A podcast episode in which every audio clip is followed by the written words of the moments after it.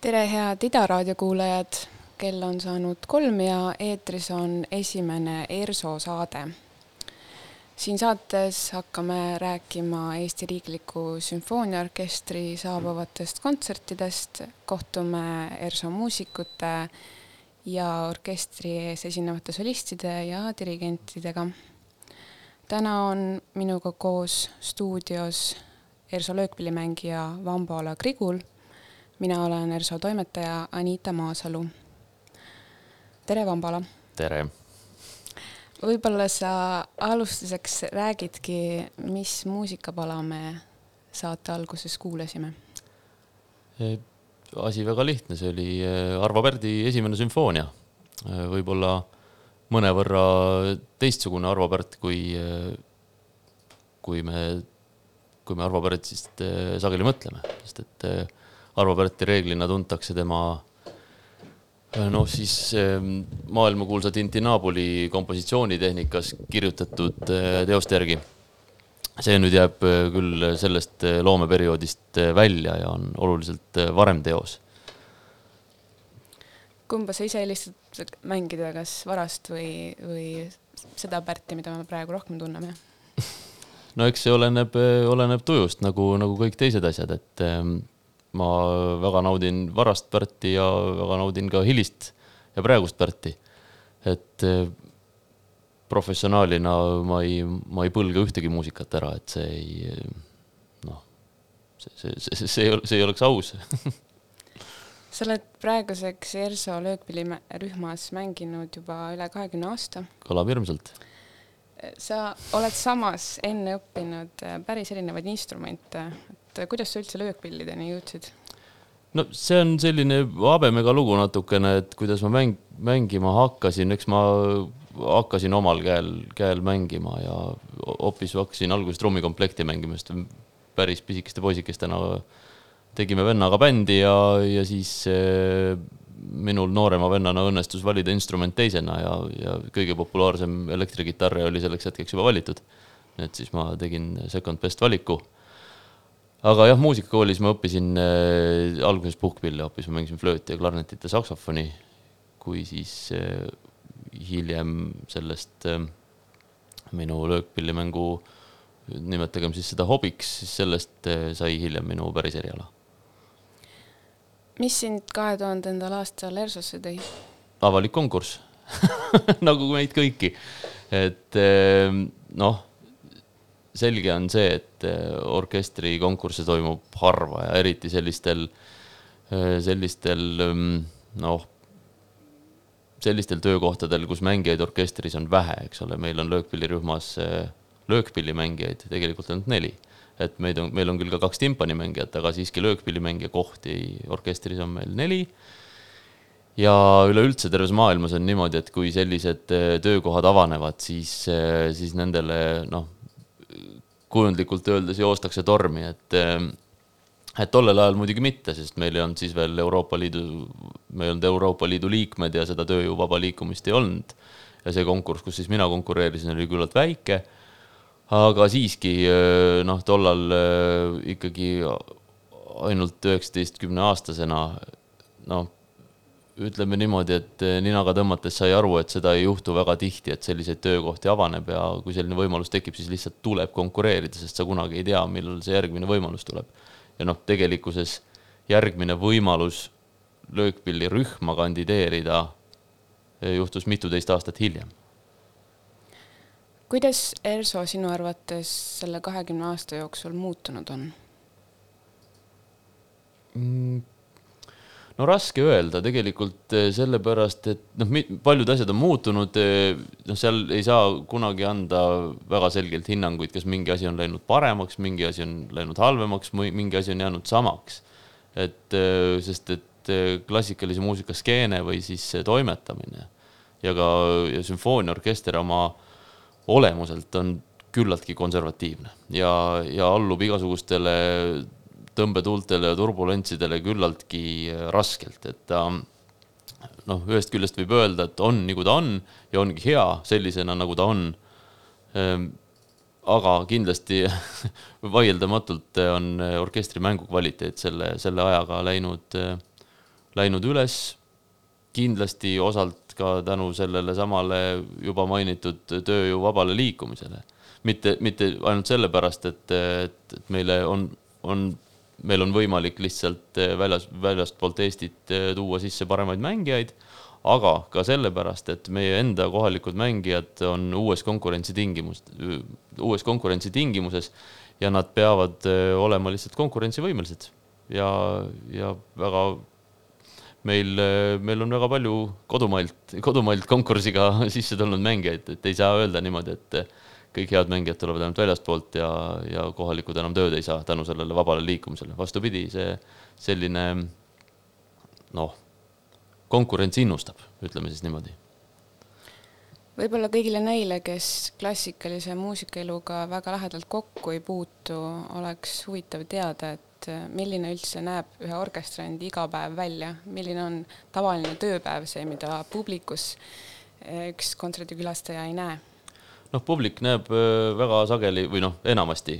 ja üheksakümmend üheksa protsenti kordadest ainult äh, meid äh, reede õhtul kell seitse tavapärasel ajal, siis nii-öelda meil on ka teistel aegadel kontsert, aga üldiselt meie see nädalarutiin näeb ette, et meil on reede õhtuti kell seitse kontsert. ma ei tea, kas see, me, me käime, võib öelda, et me käime tööl nagu iga teine inimene, et meil on, meil on nädalane proovitsükkel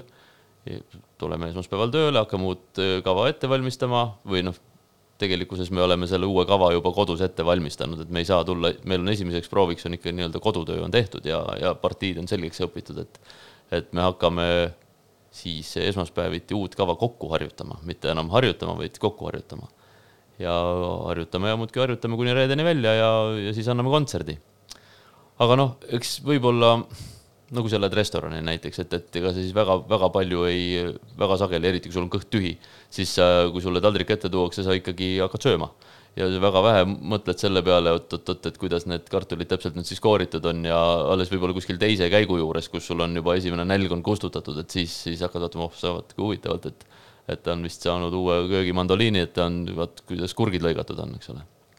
et samamoodi on ju ka kunstinäljaga, et, et kuulates kontserdi lavamängu, siis sai selle esimese,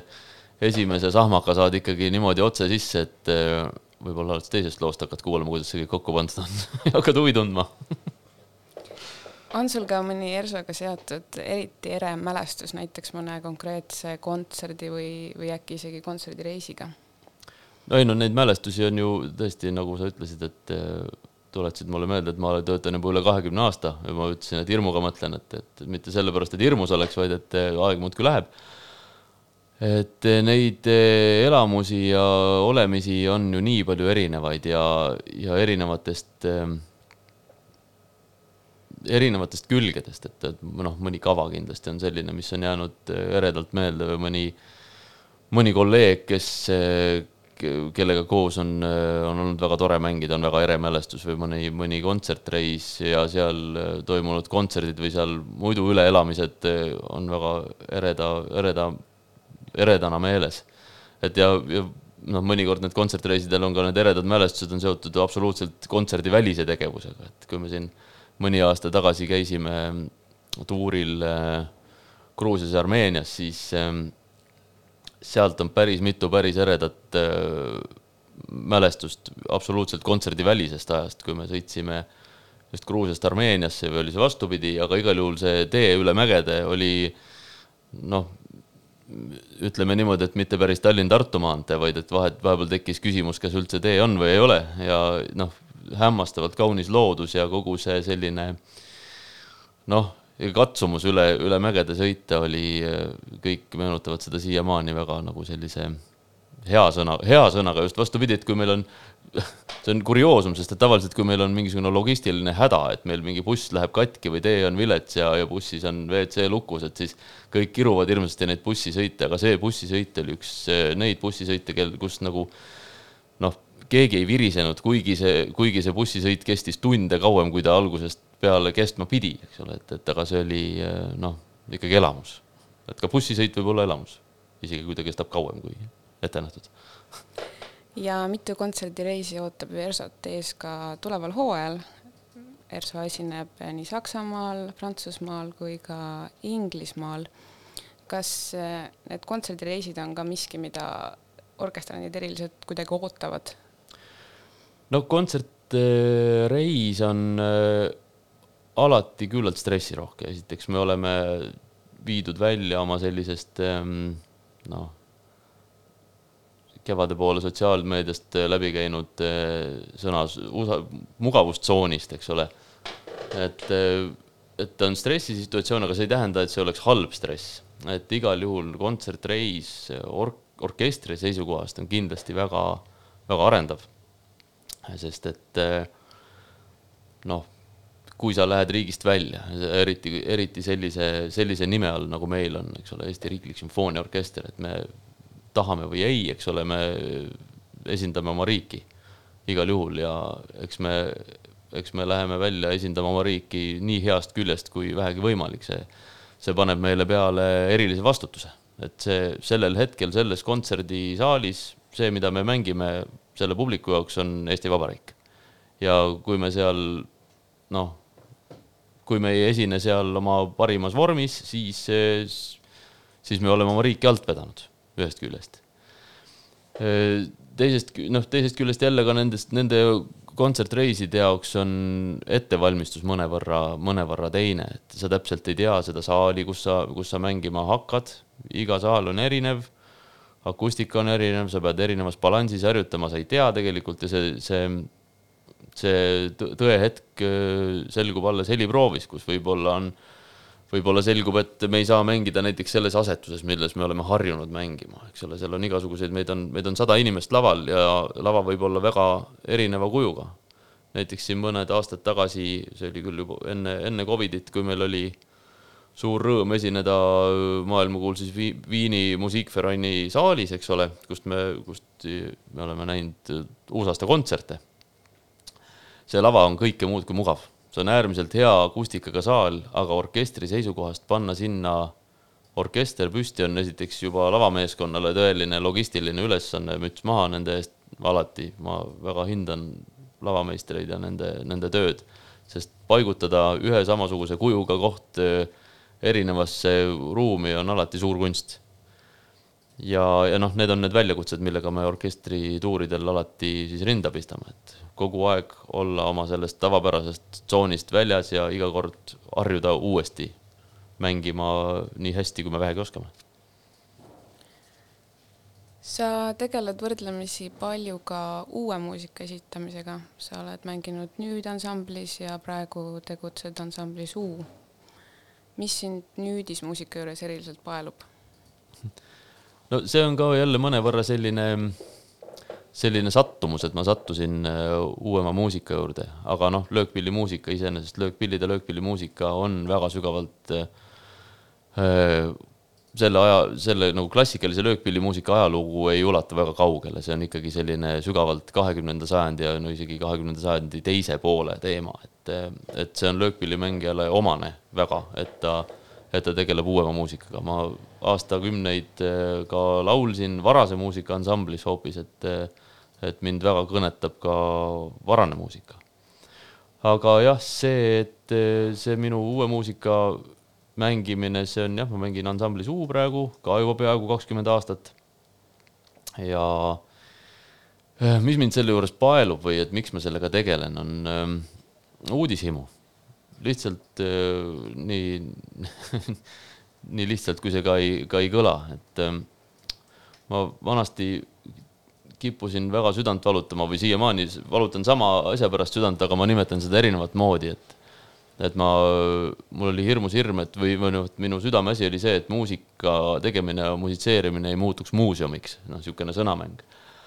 Aga äh, vaadates seda, kuidas äh, viimastel aastakümnetel on muuseum kui selline muutunud oma, oma, oma iseloomult,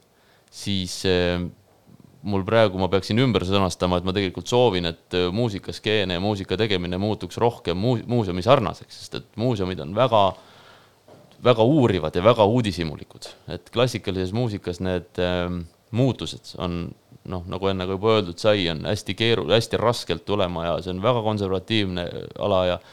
väga palju tegeldakse sellise noh, museaali poleerimisega, eks ole, mida ja muusikahariduses räägitakse siiani kahjuks niimoodi, et mingeid asju saab teha õigesti või valesti, et eh, noh, loomulikult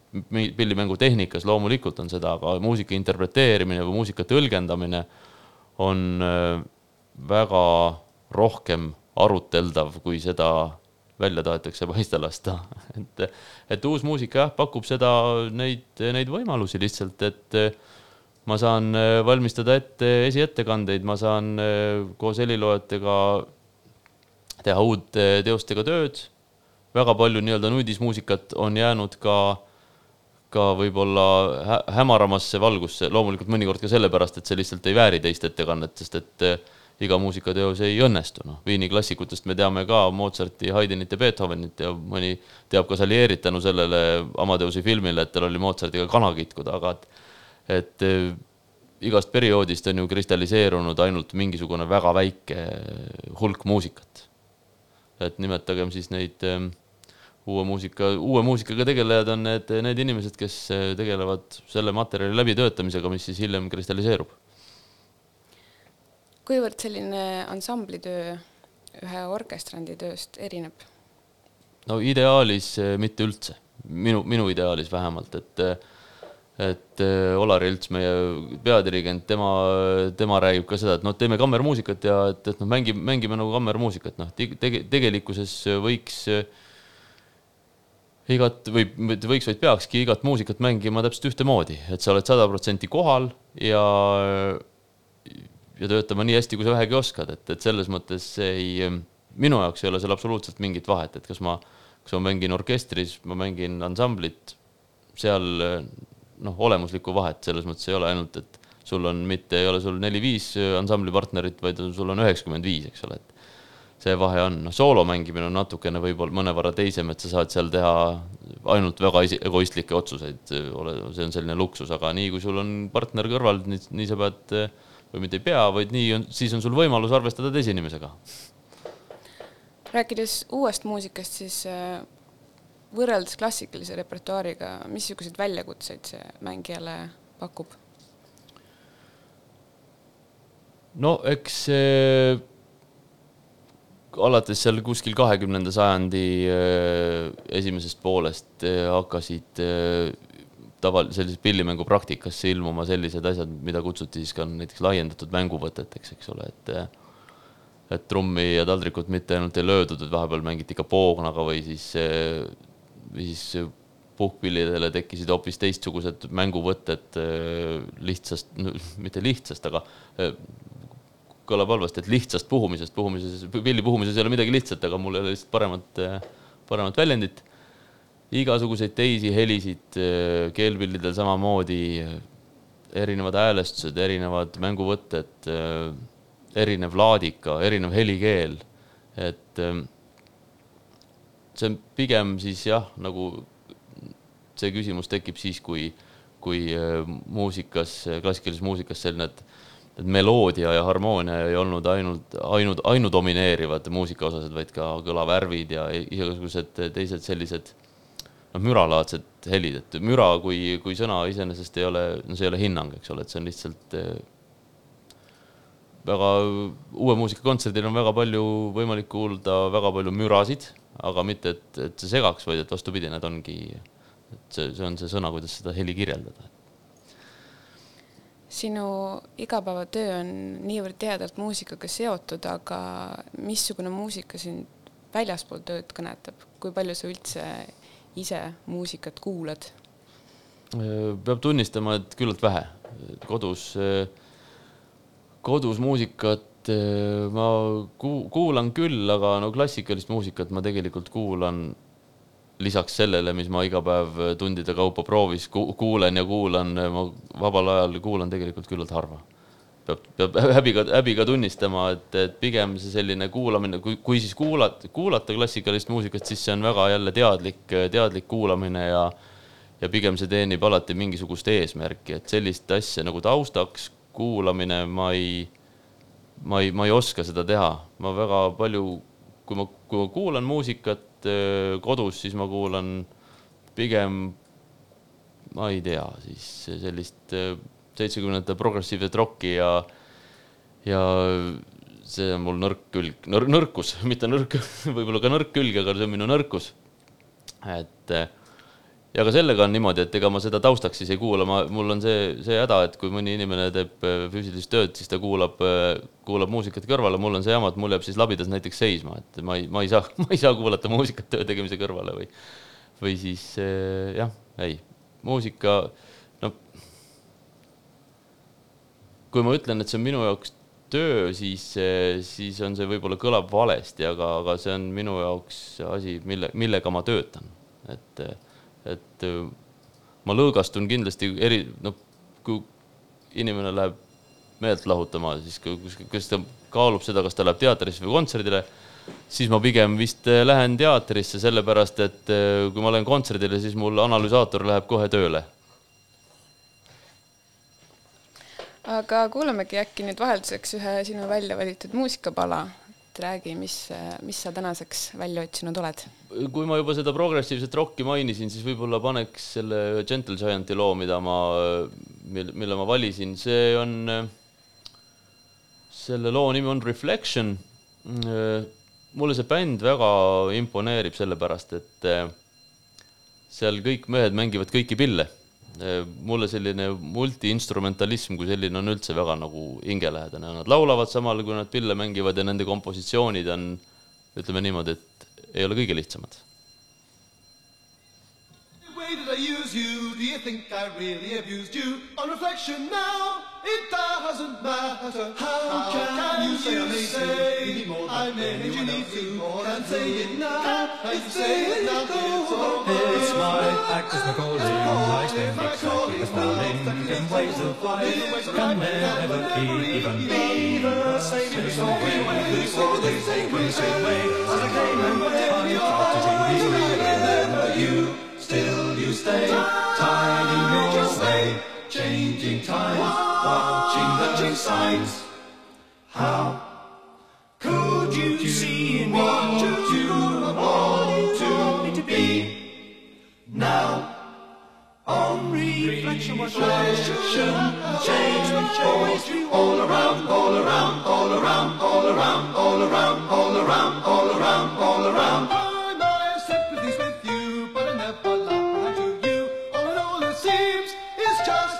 experience raised my the. Understanding still, not everything.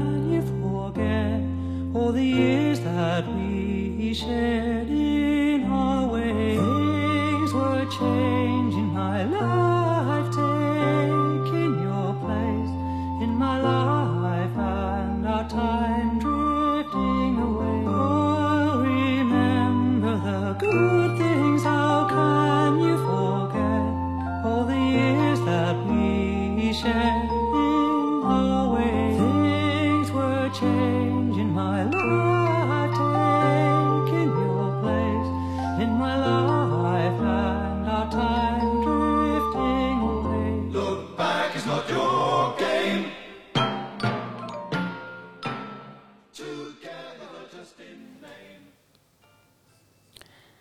eetris on äh, ERSO saade, mina olen ERSO toimetaja Anita Maasalu ja minuga koos on stuudios löökpillimängija Vambola Krigul Vambola on täna saates põhjusel, et juba järgmisel nädalal, täpsemalt siis kaheksandal septembril, toimub klubis Hall ERSO hooaja esimene kontsert, mis sedapuhku leiab aset isegi nädal varem kui hooaja ametlik avakontsert Vambala astub hallis üles päris mitmes koosseisus ja ühtlasi tähistab klubi hall samal nädalavahetusel oma viiendat sünnipäeva. Nii et tegemist on igati sümboolse ajaga koostööks. räägi, kuivõrd tavapärane selline praktika üldse maailmas on, et üks sümfooniaorkester läheb tehnoklubisse esinema? no eks seda ikka tuleb ette, aga noh, tuleb kohe, et asi oleks aus, peab kohe ära mainima, et me ju ei lähe terve orkestriga sinna, eks ole, et meil on päris äh, küllalt väike koosseis, et kuna ka klubi ei ole, ei ole nii suur kui, kui meie Estonia kontsertsaal, kus me iga päev mängime, siis äh, ma ei tea, kas meid kõiki sinna halli oleks võimalik ära mahutada. aga kindlasti seda tuleb, äh, tuleb ette, et, et orkestrid käivad, käivad klubides, orkestrid käivad ju, ka no kus iganes kus iganes mängimas, et, et eks ka noh, mõnikord on isegi kahju, kui, kui on, kui on leitud äh, selline nii, nii-öelda huvitav kontserdipaik ja siis sa näed, et, et kuidas see asi tegelikkuses võiks kõlada palju paremini selles oma tavapärases keskkonnas, aga aga lihtsalt eh, tuleb alluda turumajandusliku, turumajandusele, eks ole, et tuleb leida uusi kontserdikohti ja uut publikut. et, ehm, et oma, oma tööd edasi teha. Et aga ei, uut, uutes kontserdipaikades ei, ei ole mitte midagi sellist äh, tavatut meie jaoks. tehnoklubi võib-olla küll esi, esimese, esimese hooga, et, et kui, et, et kuidas need kaks asja omavahel kokku käivad aga kui äh, mõelda selle peale, mis meil kavas on, siis, äh, siis ja, ja et kes on meie koostööpartner sellel, sellel kontserdil, siis, äh, siis ma arvan, et Estonia kontserti, see kontserdisaali see kava ei passiks kohe nagu üldse, et võimendatud muusika, meil on seal Ivo Narjes, kes on DJ, tema on meil kaastegev kontserdil, kui tema mängiks Estonia kontserdisaalis, siis on see akustiliselt kindlasti palju-palju kehvem kui, äh, kui siin klubis, eks ole, seal klubis. Samuti, samuti nagu, nagu mõni teine kava jälle siis äh, seal hallis ei kõla nii hästi kui Estonia kontserdisaalis, et eks iga, iga kava peab sobituma sellisesse keskkonda, kus ta kõlab kõige paremini, sest et muusika on eelkõige kuulamise kunst. ja, ja kui kõik kõik ei teeni seda, seda kuulamise kunsti äh, eesmärki, siis, äh, siis miks seda üldse teha? et kui noh, lihtsalt sellepärast, et on õudselt huvitav, eks ole, minna kuskile, no ma ei, ma ei oska tuua head, head näidet, küll aga, küll aga tosi nagu halbasid, kus kus see kuulamise kogemus on olnud pärsitud tänu sellele, tänu sellele keskkonnale just nimelt, et et kui, kui suur orkester võetakse oma sellise küllaltki sellise konservatiivse kavaga ja näiteks viiakse ruumi, kus puudub sobilik akustika ja, ja ka sobilik, kuidas nüüd siis öelda, sobilik lava ja sobilikud sobilikud, sobilik valgustus ja kõik muu, siis, eh, siis on eh, lõppkokkuvõttes eh, muusikul on ebamugav mängida, nii, nii isekalt kui see ka ei kõla, eks ole, meil on ebamugav, aga tänu sellele kuulajal, kuulaja ei saa täit kuulamiskogemust, kuna nii on, et kui meil ikkagi tool ragiseb, siis oboe soolo ajal, siis on kahjuks kõik kuulevad seda, kuidas tool ragiseb ja unustavad hetkega, et oboe mängis ilusa soolo. Vabandust läks nüüd siis jälle lahkamiseks jaa, tegelikult eh, seesama kontsert pealkirjaga Stereo is King kuulubki meie audiospa kontserdisarja, kus eh, siis eh, otsime mõnevõrra ebatraditsioonilisemaid kontserdikavu ja esinemispaiku ja nõnda ka kontserdi algusaeg on õhtul kell üheksa, mitte tavapäraselt kell seitse. aga võib-olla räägimegi lähemalt, et mis publikut siis äh, halli sees ootab, milliseid teoseid me kuuleme ja milliseid koosseise? no hakatuseks see, see kontsert on tõesti mõnevõrra erinev meie sellisest äh, tavapärasest ERSO orkestrikontserdist. et seal on meil väiksemad koosseisud, meil on äh, meil on tšellosolist, meil on keelpilli kvintett ja löökpilli ansambel ja pluss veel, pluss veel DJ. et see on nüüd üks, äh, üks katse jah, viia ERSO meie majast välja. ma loodan, et see on väga õnnestunud katse, sest et me liigume selle kavaga just täpselt sellesse ruumi, kus seda muusikat on, on hea ette kanda ehm, kava kokkupanemine ja kava, kavaloome see, selle sünd oli pisut selline, selline huvitav, et ma olin just parasjagu maal peenart kaevamas, kui Olar Jelts mulle helistas ja ja küsis, et noh, et mis, mis ma arvaksin sellisest ideest, et kui me läheme klubisse ja et, ähm, et, et kas seal, et mis, mis ma sellest arvan ja et, et mis mul esimeste teostena kohe pähe kargavad, et mida sellises klubilises situatsioonis võiks, äh, võiks ette kanda. no siis me, siis me kirjutasime, joonistasime ja rääkisime mitu päeva sellest ja siis me saime selle äh, mingisuguse esialgse kava fikseeritud, nüüd see selleks ajast on ka loomulikult äh, muutunud, aga nüüd praeguseks on selline päris hea tasakaalus, tasakaalus kava, kus siis tšellosolist Theodor Sink, tema, tema esitab ühe, ühe teose tšellole ja elektroonikale, kelle autor on Jay Schwartz ähm,. ei, vabandust, Jacob TV, mul on, mul ei olnud paberit ees, vabandust Jay Schwartzi teost mängivad hoopis keelpilli, keelpilli kvintett ja see on siis ka sel-, koos eri, eri nii-öelda efektidega, mis sellises bändikultuuris on väga, väga tavaline praktika, et keelpillid, mis on võimendatud, lähevad läbi võimenduse, läbi efektiplokkide, et see jälle või läheb meie repertuaarist mõnevõrra eemale, aga kindlasti on väga huvitav väljakutse meie keelpillimängijatele.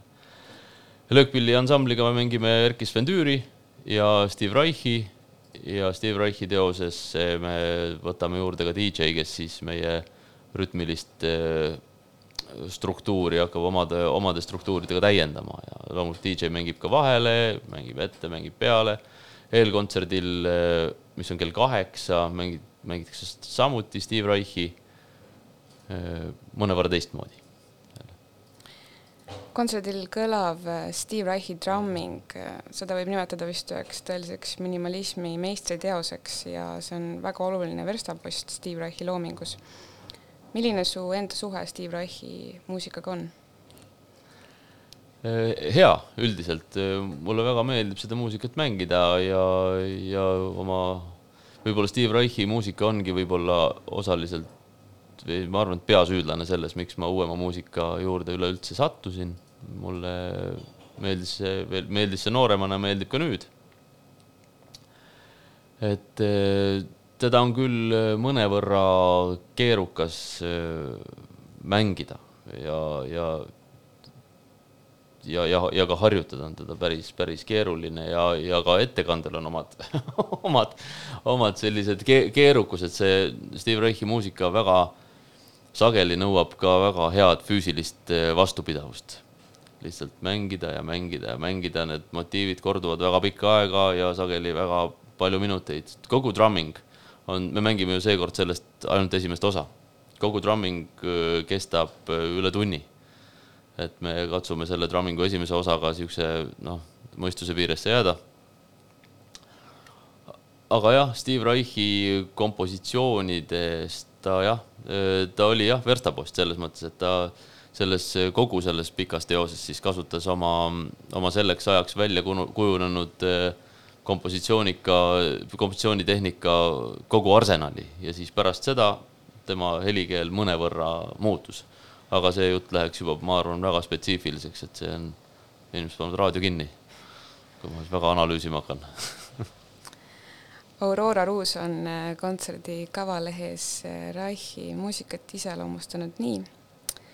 rahimuusika baseerub olulisel määral kordustel, ent seejuures näeb ta muusikat kui järk-järgulist protsessi, mis ei väljendu mitte komponeerimises, vaid muusikateoses endas kui pidevas arengus ja arenemises. niisiis pole protsess mitte tema muusika allikas, vaid subjekt. Raihi muusikateoste dramaturgiline areng toimub aeglaselt ja järk-järguliselt niimoodi, et kuulaja tähelepanu ongi tõmmatud möödapääsmatult sellele protsessuaalsusele minimalismi viljelevatele heliloojatele omamoodi manifestiks saanud essees Muusika kui järk-järguline protsess kirjutab Reich, et sellist muusikat esitades ja kuulates saab osaleda omamoodi vabastavas ja umbisikulisus rituaalis, milles muusikalisele protsessile keskendumine võimaldab ära unustada end ümbritseva ning seeläbi muusikale anduda. kuidas sa sellega nõus oled? väga ilusasti kirjutatud, ma ei oleks osanud öelda paremini, et ilmselgelt on olnud aega mõelda, kuidas, kuidas öelda. et ähm, jaa, kindlasti ja, ja kui ma seda sinu, sinu tsiteerimist siin praegu kuulasin, siis äh, mulle tundub, et seda võib ka sama, samamoodi siis äh, üle kanda osaliselt tehnomuusikale, mis, mis on samamoodi väga palju korduseid, muutused on, aga muutused on aeglased, aeg, vaevu märgatavad teinekord ja samamoodi õnnestub, õnnestub anduda muusika kuulamisele ja, ja miks ka, miks ka mitte meie kontserdil ka samuti tantsimisele. et, et see, see on täiesti omal kohal. nagu sa juba ütlesid, siis hallis kuuleme seekord eh, Trammingu esimest osa, aga kui palju seda teost üldse tervikuna Eestis on ette kantud? ka eh, kolm korda Äh, ja kahel neist mul on olnud äh, suur rõõm ka nendes ettekannetes osaleda. et nüüd viimati selle aasta maikuus. enne seda oli äh, pikem paus, mitu, mituteist aastat. ja enne seda kunagi ammu-ammu, kahe tuhandendate alguses Nüüdi festivalil, kui Steve Reich ka ise Eestis käis siis äh, kantis, kandis seda ette Soome nüüdismuusikaansambel Avanti ja Steve Reich mängis ise tollal kaasa nendega, et see on, on mul olnud ka õnn äh, sa-, õnn saada otse, otseinfot selle, selle teose kohta otseallikast ja ka, ka tema teiste, teiste teoste kohta. aga jah, see on äh, mõnevõrra, mõnevõrra keerukas koosseis, et selle, selle tõttu teda nii harva, harva mängitakse, et seal on seal on üheksa löökpillimängijat, keda on noh, suhteliselt keeruline on sellist seltskonda kokku kraapida, et üheksal löökpillimängijal oleks võimalik päris, päris intensiivne ja päris pikk prooviperiood läbida ja, ja seal on veel ka kolm lauljat ja üks flöödimängija, nii et selline tavapäratu kombinatsioon. jah, ja ajaloost on ju teada, et et, et Raihi hea sõber ostis isegi ära mõned tema partituurid ja käsikirjad selleks, et Raih saaks trammingu jaoks endale kellamängud osta, et seda üldse komponeerida. jah, see esimese, ma just, kuna ma selle teosega nüüd tegelesin kevade perioodil päris, päris pikalt ja süvitsi, siis on, tal on dokumenteeritud päris, päris põhjalikult see ettevalmistus, kuidas see kõik käis ja, ja millised need pillid täpselt olid ja jah, ega muusika tegemine, väga sageli tahame me seda või ei, enne, enne see, see nõuab äh, meeletuid investeeringuid, et, äh, et muusika on üks väheseid selliseid äh, elukutseid, kus selleks, et üleüldse tööd saada, pead sa tegema kümnetesse ja sageli sadadesse tuhandetesse ulatuva investeeringu. Et, et tööle kandideerida ja väga noh, enamasti, enamasti ikkagi tööle ei saada ja et, et nagu see on niisugune käibe, käibenali või noh, käibetraagika on see, et suhteliselt palju tõenäolisem on võita lotoga, kui, kui saada sümfooniaorkestrisse tööle. nagu juba juttu oli, siis kuulame kontserdil ka Eesti helilooja Erkki-Sven Tüüri loomingut. võib vist väita, et äh, Tüüri loomingus on löökpillidel päris oluline koht? Jah, ma nüüd ei, ma nüüd võib-olla ei ütleks, et, et et ilma kohe nagu kuidagi ei saaks, aga, aga tema, tema hel-, helikeelega löökpillid sobivad hästi üldiselt, et, et seal, seal noh, mingit üleekspluateerimisest me küll midagi rääkida ei saa, et sageli, no mitte sageli, aga, aga ikka tuleb ette olukordi, kus, kus mõne instrumendi lisamine või, või mingisugune no tekitab küsimusi, ütleme, ütleme siis niimoodi, et, et miks seda just niimoodi tingimata vaja teha on, aga aga Erkki Sveni muusikas on jah, seal, seal on kõik nii, nii oma koha peal, et, et, et jah, löökpillid ja Erkki Sven Tüüri muusika sobivad omavahel väga hästi kokku. ja Erkki Sven Tüür on ju ise ka lisaks heliloomingule löökpillimängu õppinud. kas mängijana sinu jaoks on kuidagi tuntav, et helilooja tunneb seda instrumenti, millele ta kirjutab? ei, absoluutselt, absoluutselt mm. heliloomingus äh, tudengitel ka praegu, eks ole, on ette nähtud äh, pillide tundmine, eks ole, et kus nad siis saavad niisuguse lühikese sissevaate erinevatesse instrumentidesse. jah, aga Erkki Sven Tüür, tema on ise löökpille mänginud ja siiamaani ta näiteks, mis puudutab tema teostes trummikomplekti partiisid, siis ta komponeerib need trummikomplekti taga, et,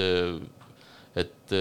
teada ja näha, kas mingi üks või teine asi on üldse instrumendil tehniliselt võimalik. et igal juhul see, tema partiid on küll väga rasked, sageli, aga neis ei ole, neis on väga vähe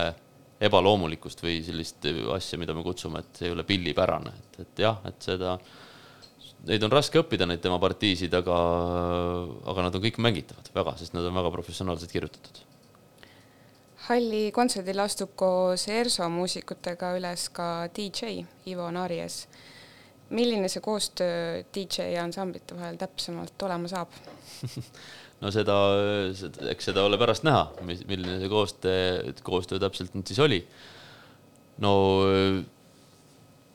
paralleelselt DJ-ga me mängime ainult äh, mõnda teost, aga tema, tema ülesandeks on ju teha, teha kontserdile intro ja kontserdile outro ja sinna veel ka vahemängud. ja, ja noh, seal on, selles tegevuses on äh, ka mõnevõrra, eks ole, vabadust ja, ja, ja ka temal peab olema võimalik äh, inspireeruda, eks ole, et eks, eks ega loomulikult DJ-d teevad endale ka nii-öelda sageli seavad nii-öelda sõiduplaani ette, eks ole, et kuidas ma teen, aga, aga see on väga selline, see on väga loominguline protsess. ja, ja see, kuidas nad parasjagu oma, oma setti või oma introt üles ehitavad, see ju, seda mina ei tea, mina ei ole DJ, seda peab küsima DJ käest, aga et, et ka nemad samamoodi üritavad aru saada, mis publik neil parasjagu on, eks ole, saalis, mismoodi nad, mismoodi nad peaksid, kuidas nad selle publiku kätte saavad, see on soolomäng, sool-, sama asi nagu klassikalises muusikas soolomäng, eks ole, et sa va-, sa mängid, sa vaatad, kuidas publik suhestub, sa vaatad, et ahah, et publik hakkab käest ära minema ja siis sa üritad neid rohkem nagu konksu otsa saada, eks, et, et see on, see on see DJ, ma arvan, kõige suurem kunst, et on DJ-d, kes mängivad puhtalt ainult teiste muusikat, et seal näiteks seal on mõnikord on, tundub, et on väga hea lugu, aga millegipärast saal on tühi. et, et see, kuidas DJ-d oma sette üles ehitavad, see on väga suur kunst. et kuidas publikut kõnetada igal juhul ootame suure põnevusega kaheksanda septembri kontserti, mis toimub siis Noblessneris klubis Hall algusega kell üheksa. ja enne seda ootame teid kuulama väikest vestlusringi ja eelkontserti samas kohas kell kaheksa, kus kõlab Steve Reichi Violin Phase. aga nüüd võiksime kuulata jälle natuke muusikat. ja, et äh, muusikat, kui siin juba nagu niisugustest teistsugustest asjadest ähm, räägitud sai, siis võib-olla kuulaks vaidluseks äh, Beatleid. et miks just äh, Beatleid, sest et ähm, see on, see on üks bänd, millel on ka väga palju tahkusid ja, ja siis, kui me, kui me Arvo Pärdist alustasime alguses, et, et, et siis eh, suur osa inimesi tunneb Arvo Pärti tema selle kompositsioonitehnika järgi, mida, mille ta siis seitsmekümnendatel välja arendas ja mida me siis täna ei kuulanud. siis eh, väga suur osa inimesi teab eh, Beatleid et eh, võib-olla Back in the USSR ja Lady Madonna ja oh, hoidku jumal selle eest, et opladi oplada järgi, eks ole. siis kuulaks sellist lugu, mille nimi on Revolution Nine. Beatlitel on ka üks teine lugu, mille nimi on lihtsalt Revolution. aga mitte seda me täna ei kuula. kuulame seda Revolution Nine'i ja see võib-olla näitab siis seda bändi sellest küljest, eh, mille poolest nad eh, lev-, levimuusika on üks paha sõna ja rokkmuusika selle kohta ammugi ei saa öelda ärme siis nimetame teda kuidagi, siis selle, selle muusika žanri, mida me eesti keeles nimetame praegu rütmimuusikaks, selle, nad olid tegelikult väga suured eksperimenteerijad. ja see, kuidas see, millise, millise mõjuga nad on olnud äh, stuudiotööle, mida me siis äh, tänapäeval, kuidas, see, kuidas me teame tänapäeva stuudiotööd see on äh, suuresti ikkagi tänu Beatlesitele ja, ja siis Brian Epsteinile ja George Martinile. Et kui, et mismoodi nemad stuudiot kui sellist üleüldse kasutama hakkasid, mida, kuidas nemad seal eksperimenteerisid, sellest on nüüd siis see Revolution nine.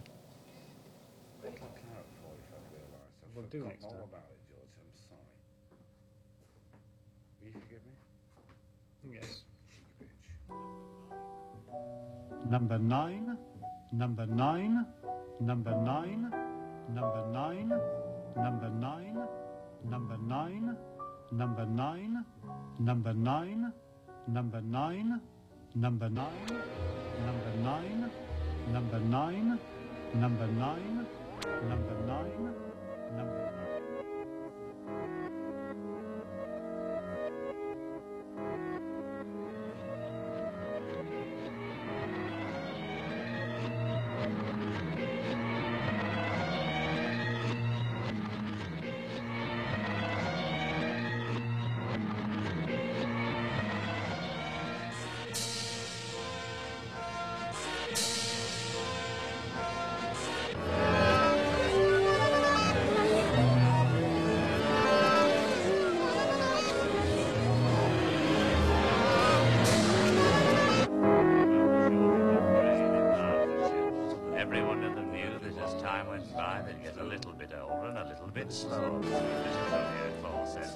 Yes.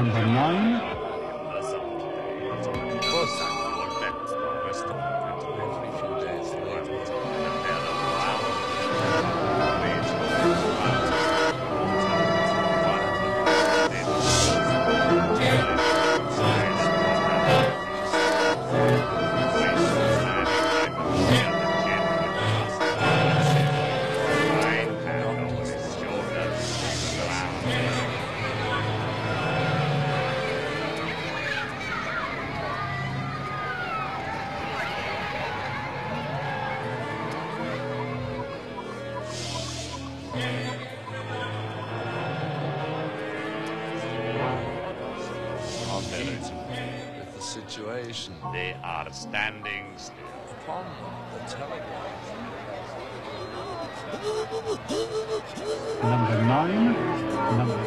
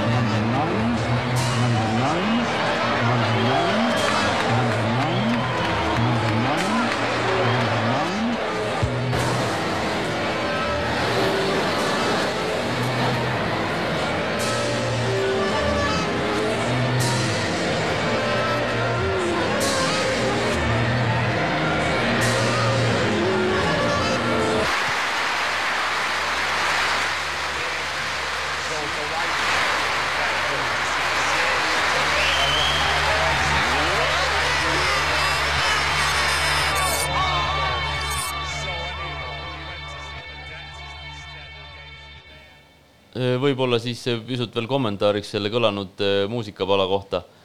et jah, võib-olla on raske ette kujutada, et see on Beatlesite lugu, keda me tunneme võib-olla hoopis mõnevõrra teistsuguse muusika järgi.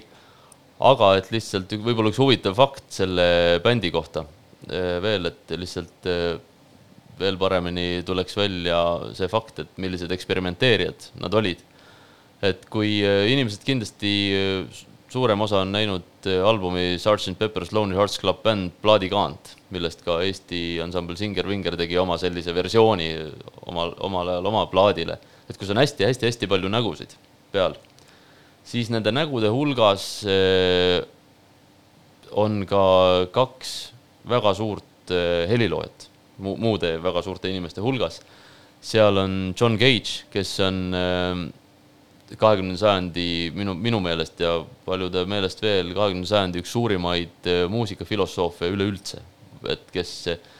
kes määratles mõne, mõne, mõne lausega ära selle, mida, mida muusika all võiks üldse silmas pidada. ja samuti on seal plaadikaanel ka Karl-Heinz Stockhausen, kes on elektroonilise muusika äh, noh, vaieldamatu üks, üks pioneeridest, eks ole, ja ja Paul McCartney ja Karl-Heinz Stockhausen käisid omavahel ka mõnevõrra läbi, et, et see ei ole mitte ainult,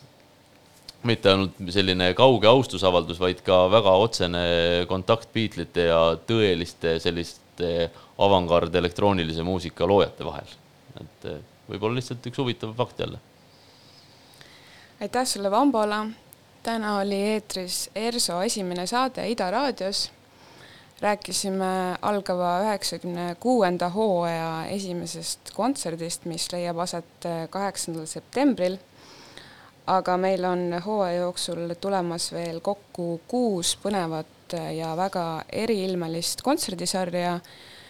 millele soovitame kindlasti kõigil pilgu peale heita hooaja avakontserdil, kuueteistkümnendal septembril kõlab Eestis esimest korda Erkki Sven Erkki Sven Tüüri kümnes sümfoonia. Vambala, kuidas sa orkestrandina tavaliselt äh, uuele hooajale vastu lähed, kas äh, on põnev lapata uue hooaja bukletti ja vaadata, et millised noodid hakkavad äh, noodipuldile ilmuma? jaa, loodetavasti ilmuvad nad aegsasti, et saaks ikka korralikult ette valmistada. kindlasti, muidugi, et, ähm, et et äh, iga hooaeg on äh, mõnevõrra ise nägu ikkagi, kuigi, äh, kuigi noh, nagu kor-, korduvalt ma juba ütlesin, et sümfooniaorkester on oma, oma loomult hästi konservatiivne ja tõesti, me peame ju vastama ka sellisele ootusele, et me esitame Eestis sümfoonilist muusikat. et eks meie publik ootabki meilt, et me mängiksime aeg-ajalt kogu Beethoveni sümfooniate ringi ära, kogu Mahleri sümfooniate ringi ära sekka natuke Mozarti ja, ja Tšaikovskit, Brahmsi, aga tuleb äh, kindlasti ka väga palju selliseid ähm, noh, mitte nii tuntud, äh, tuntud teoseid äh, ette kanda, et oleks endal huvitav, oleks publikul huvitav ja hästi, mida ma ise pean oluliseks nii oma orkestrivälises ka kui orkestritöös, et me kannaks ette uusi teoseid, et kuidas me muidu saame uut klassikat mida kahesaja aasta pärast inimesed hea meelega kuulata tahavad. et eh, sellest on väga hea meel, et eh, Erkki Sven kirjutas järjekordse sümfoonia, järjekord numbriga kümnes, natukene selline kahju on, et me päris esiettekannet teha ei saa, aga igal juhul me oleme ju esimeste orkestrite seas, kes seda kes seda lugu üldse nuusutada saavad. no see on muidugi ka absoluutselt tohutu vastutus. et ähm, esi, vastutus esiettekande pärast jaguneb loomulikult nii heliloojale ka, aga sama tähtsalt ka ettekandjale. et selleks, et teos kindlasti ka teise ettekandeni jõuaks, peab äh, pillimängija seda väga hästi mängima. mitte ainult, et kui lugu on õudselt hea, siis äh, ja keegi selle ära rikub, siis võib-olla kuulatakse, et õudselt imelikult mängivad. aga noh, see muidugi on niisugune naljalugu on sellega ka seoses, et, et äh, öeldakse ju niimoodi, et kui esiettekanne õnnestub, eks ole, et on õudselt õnnestunud esiettekanne, siis öeldakse, et oh, õudselt hea lugu aga siis, kui esiettekanne nii ei õnnestu ja võib-olla lugu ei ole ka kõige parem, siis öeldakse ikka millegipärast, et vot imelikult mängivad kuidagi. et siin see helilooja vastutus on, et helilooja ikkagi kirjutab teose, aga meie, meie, meie ülesanne on see teos ka hästi ära mängida ja ma, ma südamest loodan, et me oleme teose väärilised. Aitäh veel kord Vambola Grigul, mina olen Anita Maasalu, ERSO toimetaja. Ja lõpetuseks kuulama veel natuke muusikat